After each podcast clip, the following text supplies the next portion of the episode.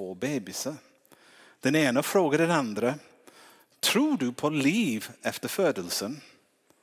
Såklart, något måste det finnas efter födelsen. Vi kanske bara är här för att förbereda oss på vad som kommer skall. Dumheter. Det finns inget liv efter födelse. Hur skulle det livet vara? Jag vet inte. Men jag vet med säkerhet att det kommer att finnas mer ljus där. Kanske går vi med våra egna ben och tar in näring genom munnen. Det där är absurt. Att gå är omöjligt. Och näring genom munnen, det är ju löjligt. Vi får näring genom navelsträngen. Jag ska säga dig en sak, liv efter födelsen är uteslutet. Navelsträngen är alldeles för kort. Jag tror att det måste finnas något. Om det kanske är annorlunda mot vad vi är vana vid. Ingen har någonsin kommit tillbaka därifrån, från efterfödelsen. Födelsen är slut på livet. Och när det kommer till kritan så är inte livet mer än en osäker existens i mörkret som inte leder någonstans.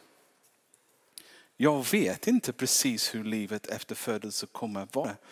Men jag är säker på att vi kommer att träffa mamma och att hon kommer att ta hand om oss. Mamma? Tror du på mamma? Och vad tror du att hon är? Vad tror du att hon är? Var överallt runt omkring oss. Det är henne och av henne som vi lever. Utan henne skulle den här världen inte finnas. Jag tror i alla fall inte på detta. Jag har aldrig sett mamma och därför är det logiskt att hon inte existerar.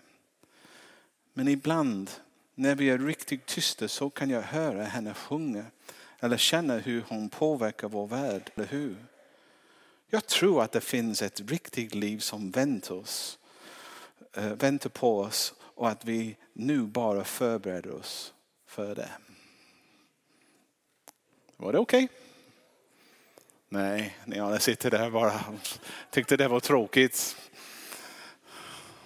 Det är en bra berättelse. Jag försöker förklara för människor ibland att Gud finns och alla argument varför han inte finns och varför man kan inte känna honom. Ibland tänker vi, vår världsbild är alldeles för, för kort, för, för, för, för liten. Är ni glada? Är ni mätt och belåten? Just nu ångrar jag att jag åt två korv. Jag säger att jag ska bara äta en, men när jag ätit den första, den andra, det, det vill vara, vara till. Eh, nej, ni tvingar inte mig.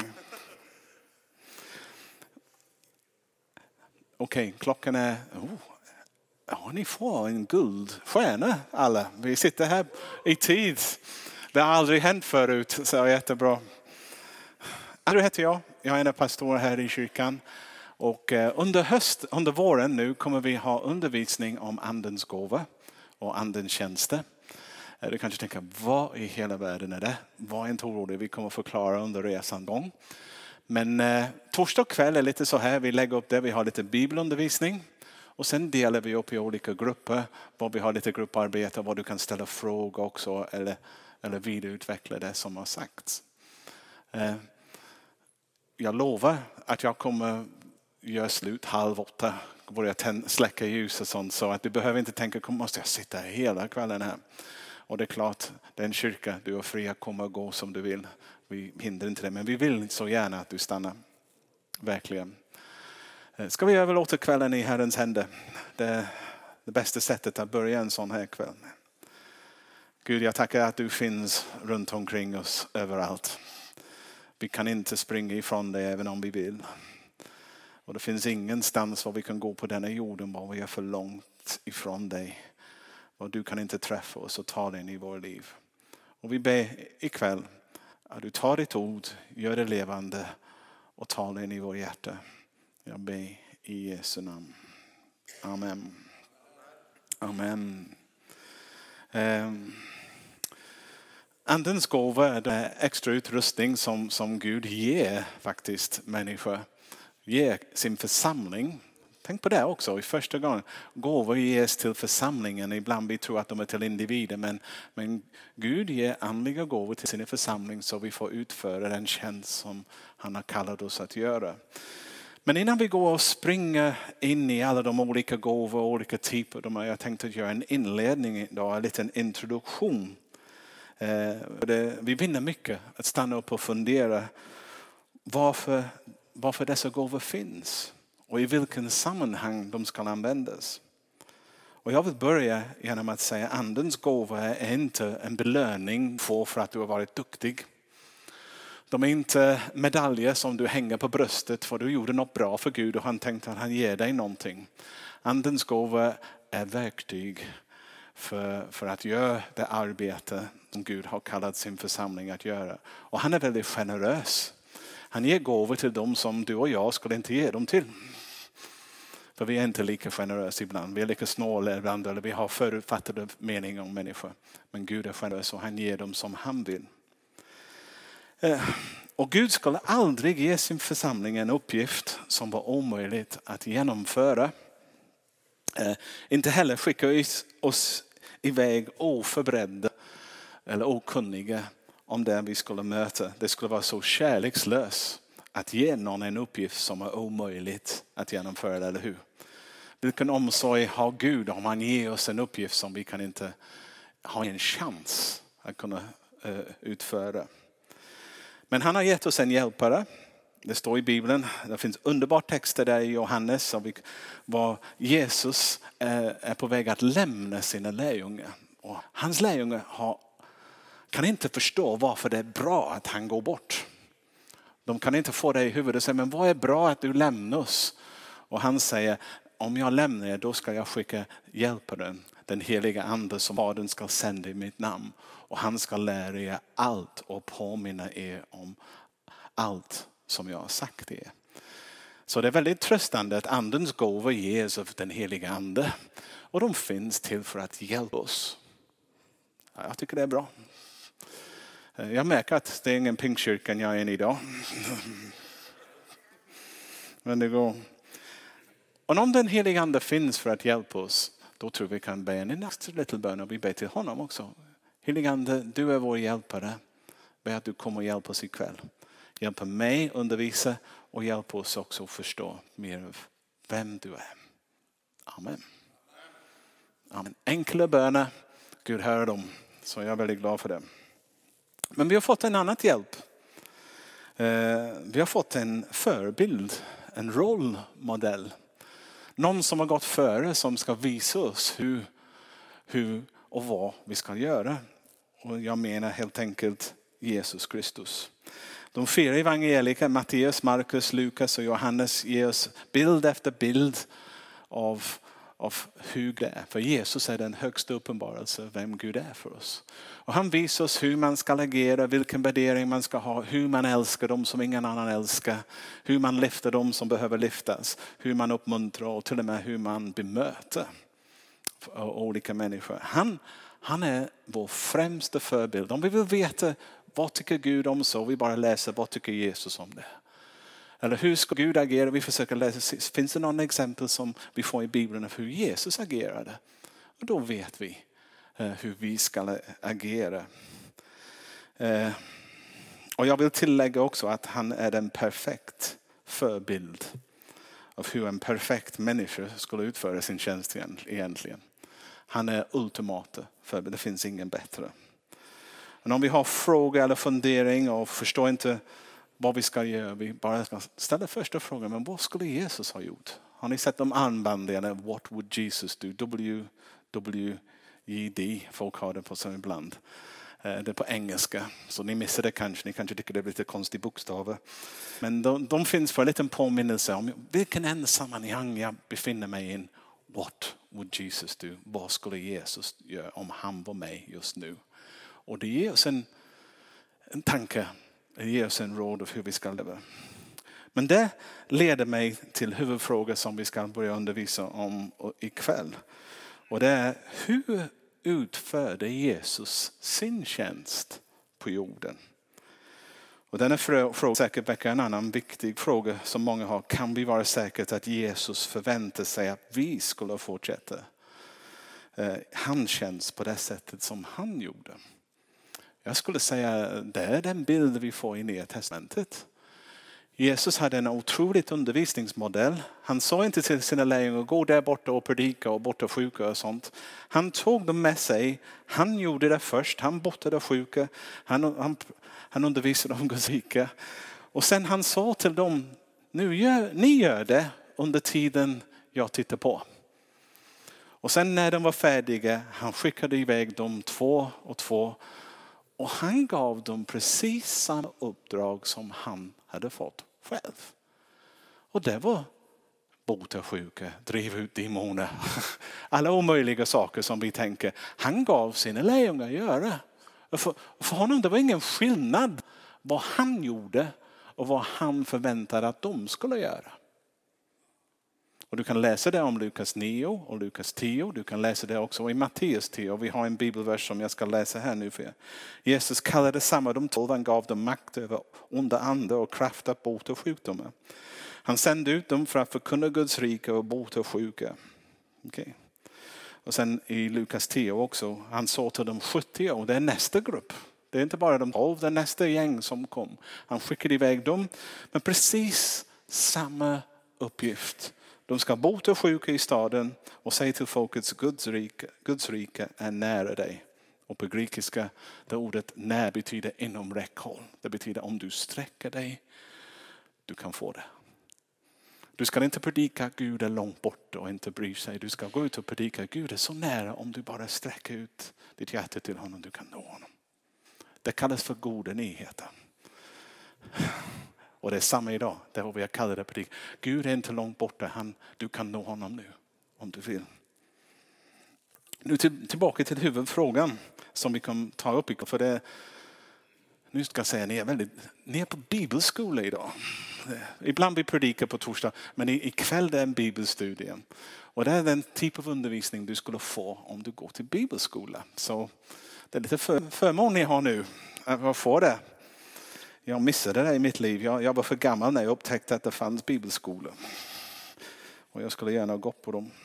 Men här är vi. Nu till huvudfrågan igen. Hur utförde Jesus sin tjänst? Hur kunde han bota sjuka? Hur kunde han resa upp döda? Hur kunde han älska dem som ingen annan älskade? Var fick han den kärleken ifrån? Och sånt? Hur kunde han gå på vattnet? Hur kunde han förvandla vattnet till vin? Hur kunde han stilla stormen? Hur kunde han veta vad andra tänkte? Har man tänkt en fråga? Om du hade frågat mig för 20 år sedan eller någonting annat, men det är klart, han var Guds son, han var Gud. Han var Jesus. Vilken dum fråga. Har du någonting fel med din kristologi eller någonting? Att du inte fattar att Jesus är Guds son. Han är Gud, han kan göra allt han vill. Han kan få stumma tala, döva höra, blinda att se. Och sånt. Det, det är hur enkelt som helst för han är Gud. Kanske ni tänker samma. Det är ingen dålig tanke. Men vänta en stund. Och jag menar vänta och fundera en stund. Vad är det som Bibeln säger? För jag är inte säker att Bibeln säger att Jesus gjorde det för att han var Gud. För om vi ska slå upp Filipperbrevet kapitel 2, vers 5-11, det står så här. Texten kom så ni kan hänga med. Var till sinnes som Kristus Jesus var. Han var till Guds gestalt men räknade inte jämlikhet med Gud som segerbyte. Utan utgav sig själv och tog en tjänares gestalt och blev människa lik. När han till den yta hade blivit som en människa ödmjukade han sig och blev lydig ända till döden, döden på korset. Därför har Gud också upphöjt honom över allting och gett honom namnet över alla andra namn. För att i Jesu namn alla knä ska böjas i himlen och på jorden och under jorden och alla tungor bekänna att Jesus Kristus är Herre. Gud Fader till ära. Nu får vi läsa i Bibeln. Att när Jesus kom, vi pratar om ett ord som man använder i kyrkan var nu inkarnationen. När Gud blir människa. När Jesus blir människa, han avstod från sin härlighet egentligen. Han avstod från ganska mycket. Det står i texten att han utgav sig själv. Igen, grundspråket betyder han tömde sig. Och betoningen ligger på det var ingen som tömde honom, han tömde sig. Han bestämde sig, jag ska lämna någonting av min gudomlighet på det sättet, min härlighet för att bli människa, för att komma till jorden. Han gjorde det frivilligt. Och det, också, det står en tjänare, tog en tjänare gestalt, det grekiska ordet där också är slav.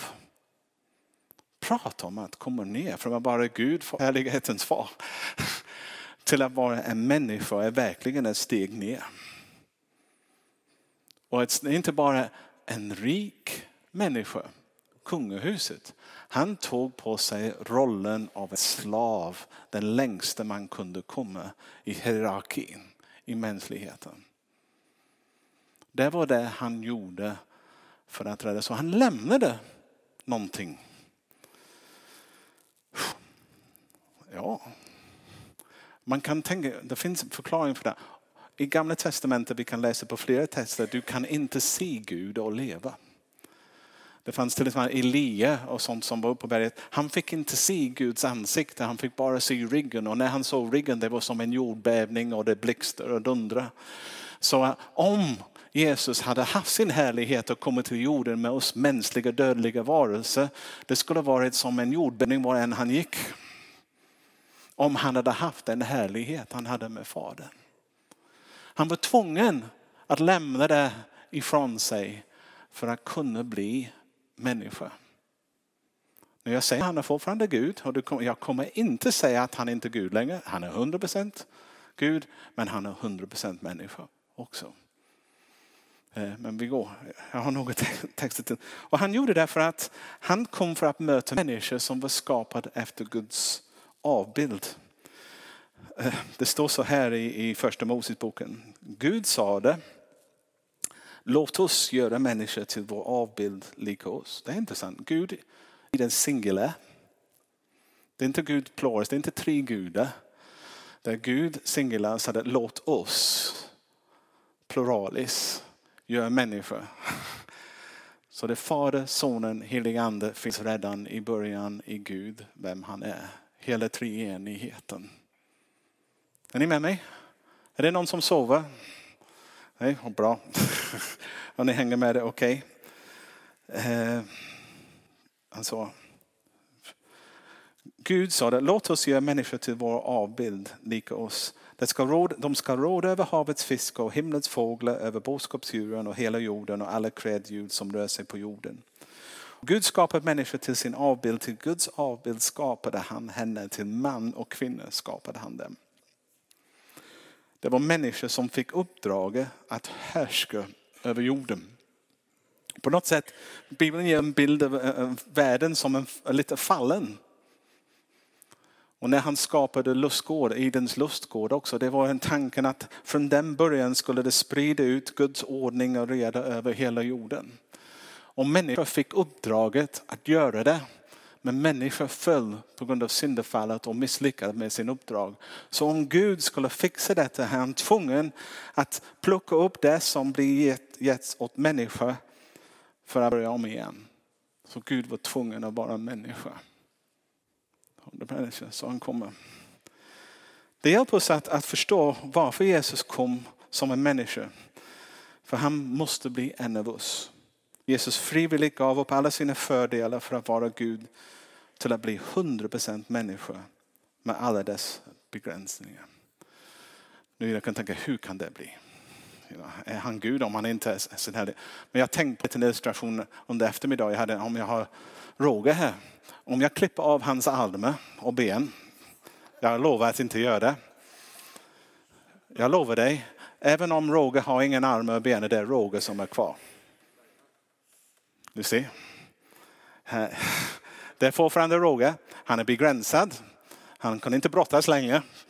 Men det är råga i hjärtat och sånt sådär. Och ungefär på det sättet Jesus lämnade ifrån sig vissa bitar men han var fortfarande Jesus, Guds son, människosonen. 100 procent. Men han också tog på sig rollen att vara människa 100 procent. Egentligen, han är den perfekta människa. Den enda som har funnits egentligen. Den perfekta eh, bild, förebild av vem en människa är. I teologiska världen vi pratar om att Gud som är omnipresent, nu konstiga ord nu som jag kommer säga nu, alla städers närvarande. Har ni hört den uttryck förut? Det betyder att Gud är inte begränsad av tid eller rum. Han, han finns överallt. Uh, han är inte begränsad på något sätt. Men och Jesus, om han, var, han, var, han var egentligen alla städers närvarande men han la ifrån sig det när han blev människa. För han kunde inte vara i Kapernaum och i Nazaret samtidigt. Han var på en plats under en tid och kunde vara där. Okay. Det finns en annan ord som vi kan, omnipotent, det betyder allsmäktig. Eh, ja, och Gud är allsmäktig, han är, det finns ingenting han kan inte göra. Eh, men Jesus han, han var begränsad. Vi kan läsa att han var trött. Eh, man kan läsa också att han var hungrig. Och flera gånger var han, han sov i båten när lärjungarna skulle ta honom över sjön när stormen kommer. Sånt. Så, så han är tydligen, han är inte alls mäktig, han måste vila med. Och Bibeln säger att eh, Gud inte vilar, om vi kan läsa i, i psalm 121, vers 4. Nej, han som bevarar Israel, han slumrar inte, han sover inte, står det. Han Jesus kunde inte göra någon kraftgärning där utan botta några få sjuka genom att lägga händer på dem. Ja, det, fanns, det finns berättelser i Nya Testamentet var Jesus kunde inte göra mycket. Det finns en berättelse var han försökte borta honom. Det tog honom två gånger att göra det. Så han, han hade tydligen lämnat ifrån sig sin allsmäktighet för att bli människa. Och sen den tredje, det, det är omniscient. Det, det, det betyder allvetande. Bibeln säger att Gud till och med vet hur många stråhår, eh, hårstrå du har på ditt huvud. Eller under armen. Han vet varenda liten detalj om dig. Han vet vad du tänker, han vet vad du kommer att tänka, han vet vad du tänkte igår. Samtidigt han känner alla stjärnor, alla rymden. Det finns ingenting som han inte vet. Gud är så stor. Men Jesus, han är inte så. Det finns berättelser till exempel var han går och plötsligt en kvinna kommer och rör vid tofsel av hans eh, jacka där. Och han säger, vem var det som rörde vid mig? Han visste inte. Det finns en annan, jag säga, Jesus märkte genast inom sig att det hade gått ur kraft från honom. Han vände sig om och frågade, vem rörde vid mina kläder? Min tes är ikväll att det var den helige ande som uppenbarade för honom vem det var.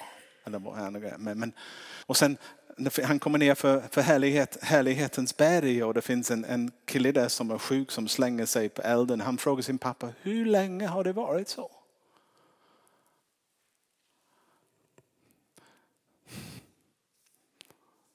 När Lazarus hade dött, han sa, han visste inte, han visste inte om det. Han sa, Gud måste ha hållit det ifrån mig. Så, så när han blev människa, han lämnade ganska mycket av de här saker som vi tror han gjorde alla de häftiga grejerna med. Eller? Eller pratar jag bara jumbo bumbo? Jag vet inte. Ni kanske tror det också.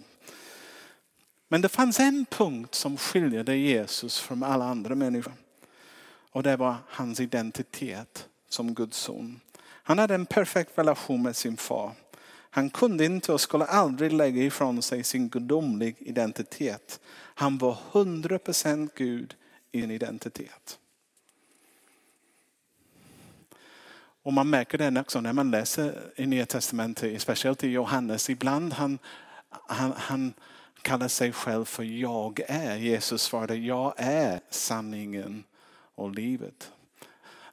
Jag är Och denna jag är är en, en hänvisning till den gamla testamentets judiska sätt att beskriva Gud. Som Gud de ska aldrig uttala namn, jag är. Gud säger jag är. Och judarna visste vad han sa för varenda gång de gjorde det, de blev vansinnigt. De ville döda honom, de ville slänga honom över en klippa. Du hedrar du, du säger att du är Gud. Till och med Jesus säger till folk ibland, ja, dina synder är förlåtna. Och fariséerna blir vansinniga. Bara Gud kan förlåta och du förlåter honom. Vem tror du att du är? Jesus hade inga problem. Och sen eh, vid, vid hans dop också, en röst kom, det är min son som jag har välbehag i. Han, han, var Gud, lite grann som jag sa för Roger. Även om han har varit av med massa saker, det var fortfarande Gud. Jesus, människosonen som var där. Men han var 100% människa. Och han skulle leva ett liv. For bear with us. Uh, står till exempel, och jag tänkte Jesus aldrig behövde vara född på nytt eller någonting. Han, det står att han var utan synd. Han hade så perfekt relation med sin far. Han följde sin fars vilja.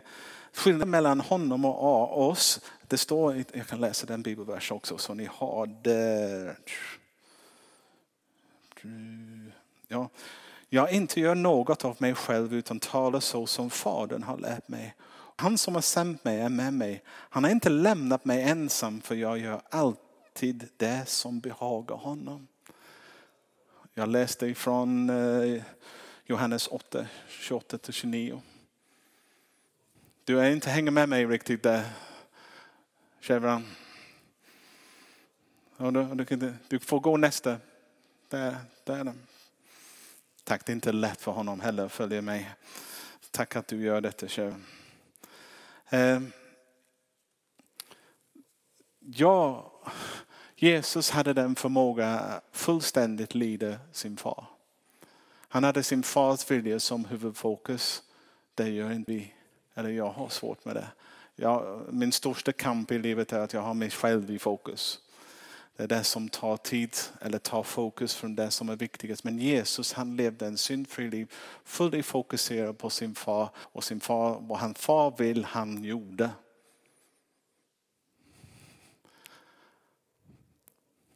Det har inte funnits någon lik honom. Eh, det står i Bibeln också att han utvecklade, han växte i förståelse i Guds ord och tillämpning. Han tillbringade mycket tid i stillhet och bön. Det står, vid den tiden gick Jesus upp i berget för att be och han var hela natten i bön. Han lärde sig använda Guds ord och bemöta fienden också. Otroligt. Man kan tänka den gång när Jesus frestelse det är en intressant påstående. Jesus frestade. Kan Gud frestas? Jakobs brev säger nej. Men betyder det att Jesus egentligen inte frestades? Nej, det står att han frestades. Varför frestades han? För han hade blivit människa som du och jag. Så han vet hur det är att frestas.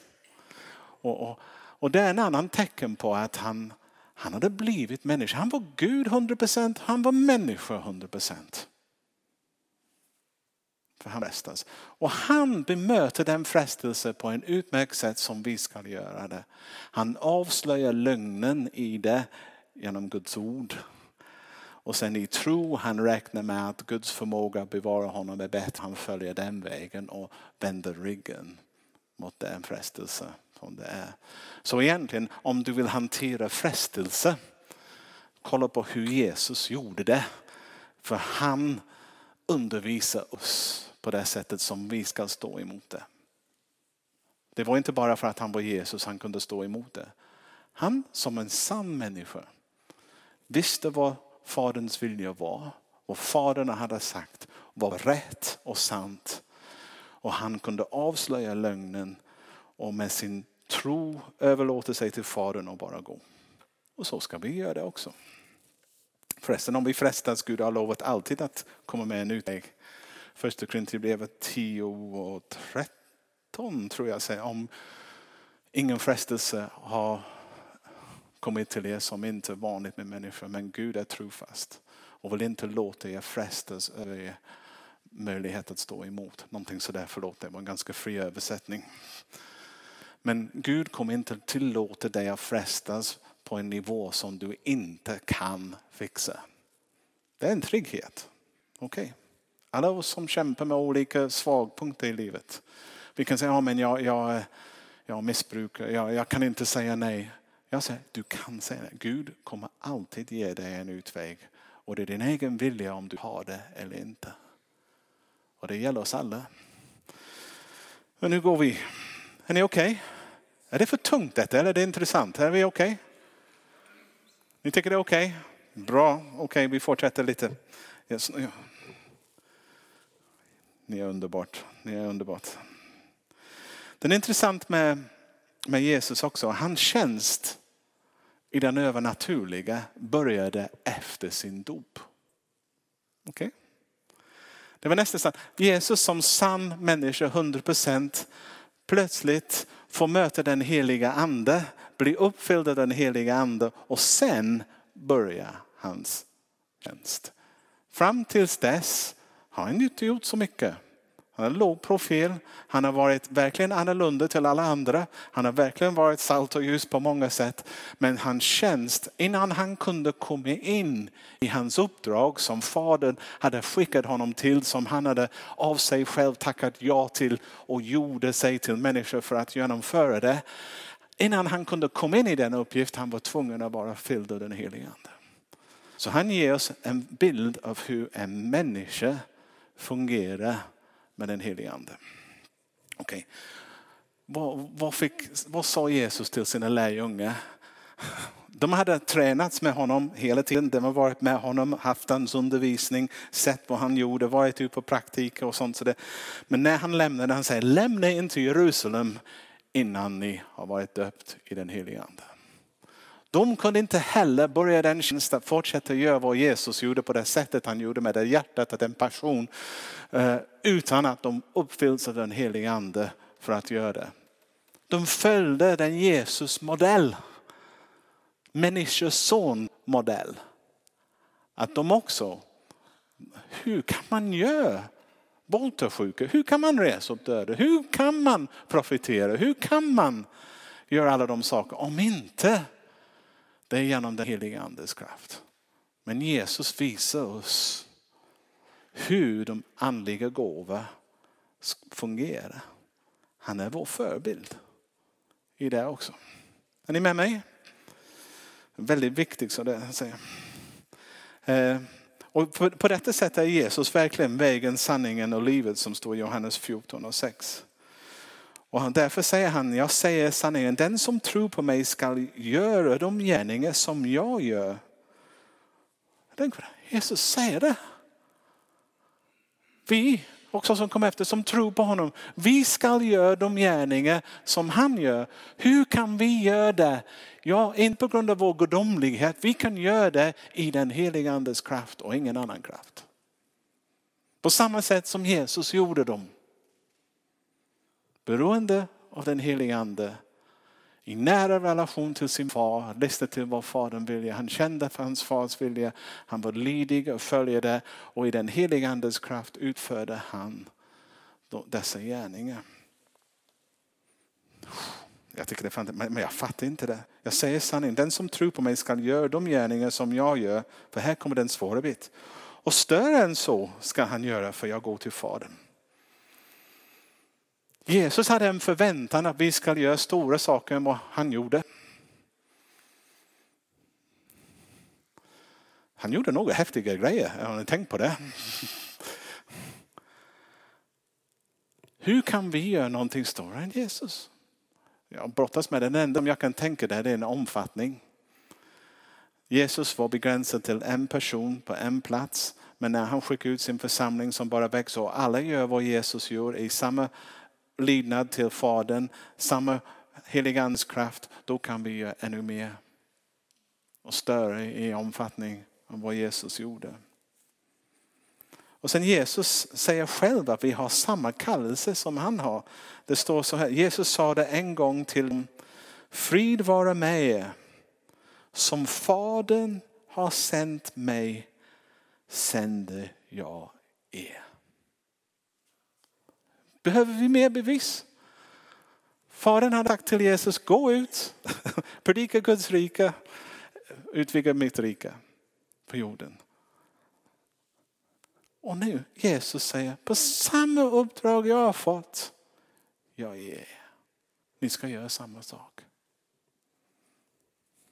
Vi ska inte bara gå och undervisa om man lite kunskap om vem Jesus var eller om Gud. Vi ska faktiskt göra de gärningar som Jesus gjorde. Vi ska ha samma hjärtat som han hade. Och Jesus hade utfört sin tjänst i sin, om han hade utfört sin tjänst i sin härlighet. Då skulle det vara omöjligt för oss att göra. För vi är inte Gud. Vi är inte allsmäktig. alla vetande. Vi, vi har inte den förmågan. Vi är människor. Men Jesus i sin mänsklighet, när han har klippt av allt det häftiga som han har i himlen med Fadern och blivit som en av oss. Han visar oss hur vi lever ett liv beroende av en relation med vår far i den heliga andes kraft.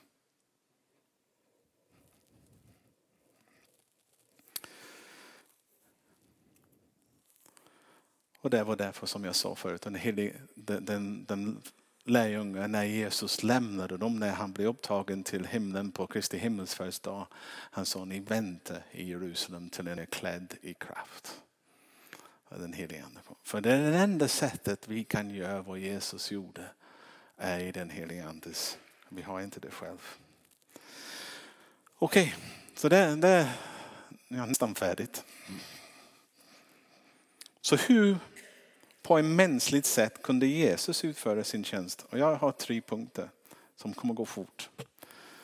Nyckeln till att Jesus kunde göra vad han, göra vad han gjorde var hans, först och främst hans relation med Fader. Och hans närhet till Fadern, hans villighet att lyda sin far i allt. 100 procent. Han, det var hans första, utan den relationen, det spelar ingen roll om du får en helig ande eller inte. Du skulle inte veta vad faderns vilja är, du skulle inte få den vishet, du skulle inte få massa. Egentligen den helige ande förmedlar det från fadern till oss vad vi behöver. Den helige ande är själva kontaktpunkt eller överföringsmöjlighet vi får för att göra det som fadern vill att vi ska göra. Så om vi inte har en relation med Fadern, hur kan vi utföra faderns arbete? Det är först och främst det som måste komma. Och sen för den andra att vara smord av den helige ande. Och det vid dopet, jag läser vad det står i Lukas 4, 18. Där, Herrens ande över mig. Jesus efter, förlåt, efter han, han säger så här, Herrens ande är över mig. För han har smort mig till att förkunna glädjens budskap för de fattiga. Han har sänt mig att utropa frihet för de fångna och syn för de blinda att ge de förtryckta frihet och förkunna ett nådens år från Herren. En sammanfattning. Och kan, den, den är också taget från Jesaja. Men den versen är också en, en förklaring för vad det var som han skulle göra. Genom den Herrens ande har smort honom. Den heliga ande utrustar oss för att kunna förkunna glädjens budskap. Man märker när det inte är andens budskap, när det är tung, hård jag växte upp i kyrkan och sa ni är syndare, ni är på väg till helvetet. Det var mycket eld och mycket hot och sånt. Så där jag satt där som en liten pojke. Vad kommer hända? Jag är inte säker att det var en glad, evangeliet betyder glada budskap. Det, det kändes inte så glad ska jag säga när jag hörde det. Den glada budskapet är att Gud har kommit. Hans rike är här. Han vill ha en relation med dig. Han ger dig ett liv och ett liv i överflöd vill ni ha det. Eh, ni får det. Han erbjuder det. Men ibland när vi förvränger det. Och sen den, den, den, den barmhärtighet som finns i Guds kallelse. Hur han bryr sig om människor, bryr sig om deras tillstånd. Och, och, och kan inget annat än hjälpa dem och lyfta dem. Han skulle inte bryta någon som är redan halvbruten. Han lyfter dem. Det är den Gud vi tillber, eller hur? Det är den Gud jag följer i alla fall. Och jag förvånas över hans hjärta. Det mer jag kommer till honom, det mer jag blir bruten inom mig också och bryr, sig, bryr mig på ett sätt som jag trodde inte var möjligt tidigare. För den tre, så den första, Jesus gjorde det genom sin relation till Fader. Den andra genom den helige Andes smörjelsekraft. Och den tredje genom att använda Andens gåva.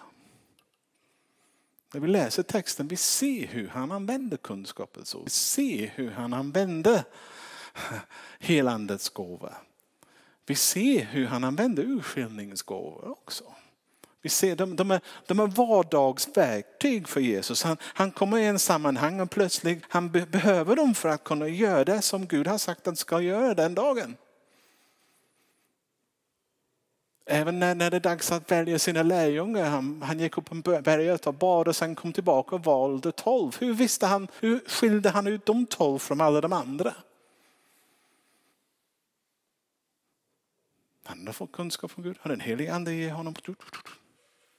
Han kunde gå där. Jag läser lite grann här. Men hos, jag läser första Korinthierbrevet 12, 7-11.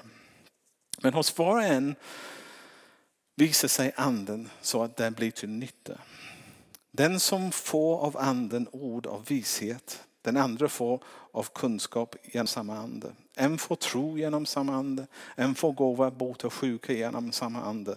En annan att göra kraftgärningar, en får gåva att profitera, en annan skulle skilja mellan ande. En får gåva att tala olika slags tungotal, en annan att uttyda tungomål. Men i allt detta verkar en och samma anden som Fadern som fördelar sig gåvor åt var och en som han vill. Nu kommer, det är en introduktion till vad vi kommer ta upp nästa vecka. Vi kommer gå in på andens gåvor. De gåvor är uppdelade i tre grupper. Det finns uppenbarelsegåvor, typ kunskapens ord. Att kunna se vad Fadern vill göra. Det finns ord och vishet. Det är en sak att veta vad Gud vill göra, det är en annan sak att veta hur. Hur ska det ske? Och då behöver man vishet och hur man tillämpar det och när det är rätt tid. Sånt sådär. Och det, det, är en annan gåva, det heter vishetsgåva. Sen det finns gåva skilja mellan ande, det är uppenbarelse. Någonting Gud måste visa dig genom den helige ande. Det är inte bra, det är bra. Eller gå den vägen, en annan. Sen finns det olika gåvor att tala, en profetisk gåva när vi talar Guds ord. Det är den renaste formen profetia när vi talar Guds rena ord. Men eh, sen, sen, finns det lite skalor på det, men vi kan ta det när det kommer. Sen finns det också eh, tungotalets gåva och gåva att uttyda tungotal. Och sen finns det övernaturliga gåvor, gåva att bota sjuka, gåva att göra under och tecken och sånt sådär. Och det är sammanhanget för gåvorna. Vi kommer ta upp, varje vecka kommer vi ta en av de gåvor och, och, och, se vad vi kan lära oss av det. Och om det går vi försöker också säga Gud kan du hjälpa oss komma in i det? Visa oss hur vi ska göra med det. Så det blir lite praktik också. Eh, Några jag sitter lite nervös. Om ni kommer från en gammal pingstbakgrund, du kommer tänka men andens gåvor kommer som en blixt. Och, och hur kan vi påverka det? Men jag lovar dig, andens gåvor finns. De, de är färdiga för att använda om Gud har en uppdrag för oss att göra. Och de ges åt hans församling.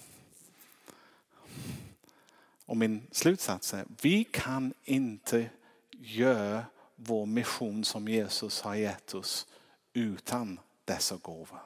Hur skulle vi kunna göra det? I vår kraft? Har vi kraft att göra det? Nej. Så andens gåvor ska användas i, i samband med en relation med Fadern i den heliga Andes smörjelse för att utvidga Guds rike. Och vår Hjälper den helige Ande kommer hjälpa oss in i det. Vi har en förebild i Jesus som visar oss den perfekt sätt att använda dem. Och sen måste vi bara göra det. Så svårt är det inte. Och alla sitter där tyst och tittar på mig som man säger, är du galen? Jag är galen. jag är galen förälskad i Jesus och jag, jag, jag har sett redan nu för mycket för att inte tro på vad jag predikar. Den undervisningen kom för mig för många år sedan och det landade och sen började gå i den riktningen och börja se det och uppleva det. Och jag tänkte yes, jag förstår nu var vi finns. Jesus kom. Men jag kan också ställa en fråga om du vill ha lite hemläxa. Fundera om Jesus var inte 100% människa när han dog. Gäller hans död om det var Gud som tog hans plats? Det måste vara en människa att ta människors plats. 100% människa, 100% Gud. Men han visar oss hur det är att vara 100% människa. Han levde i sin mänskliga gestalt, Jesus. Så att vi kan följa honom. Ska vi be? Gud, ibland vi, vi ja, jag är så långsam att fatta den storhet av det som du har gjort. Men du har skickat din son Jesus, inte bara för att rädda oss men också visa oss hur vi ska leva och vara en förebild för allt. Och jag ber att du hjälper oss nu de kommande veckorna. Vi går in på detta. Vi ska inte ha bara kunskap om gåvor, kunskap om anden. Utan vi ska vara så nära dig i vår Guds relation, så uppfylld av din heliga ande. Och så ivrig också att använda de gåvor som du ger oss för att utföra jobbet. Och vi ber, låt ditt rike komma och låt din vilja ske. Amen. Amen. Amen. Amen.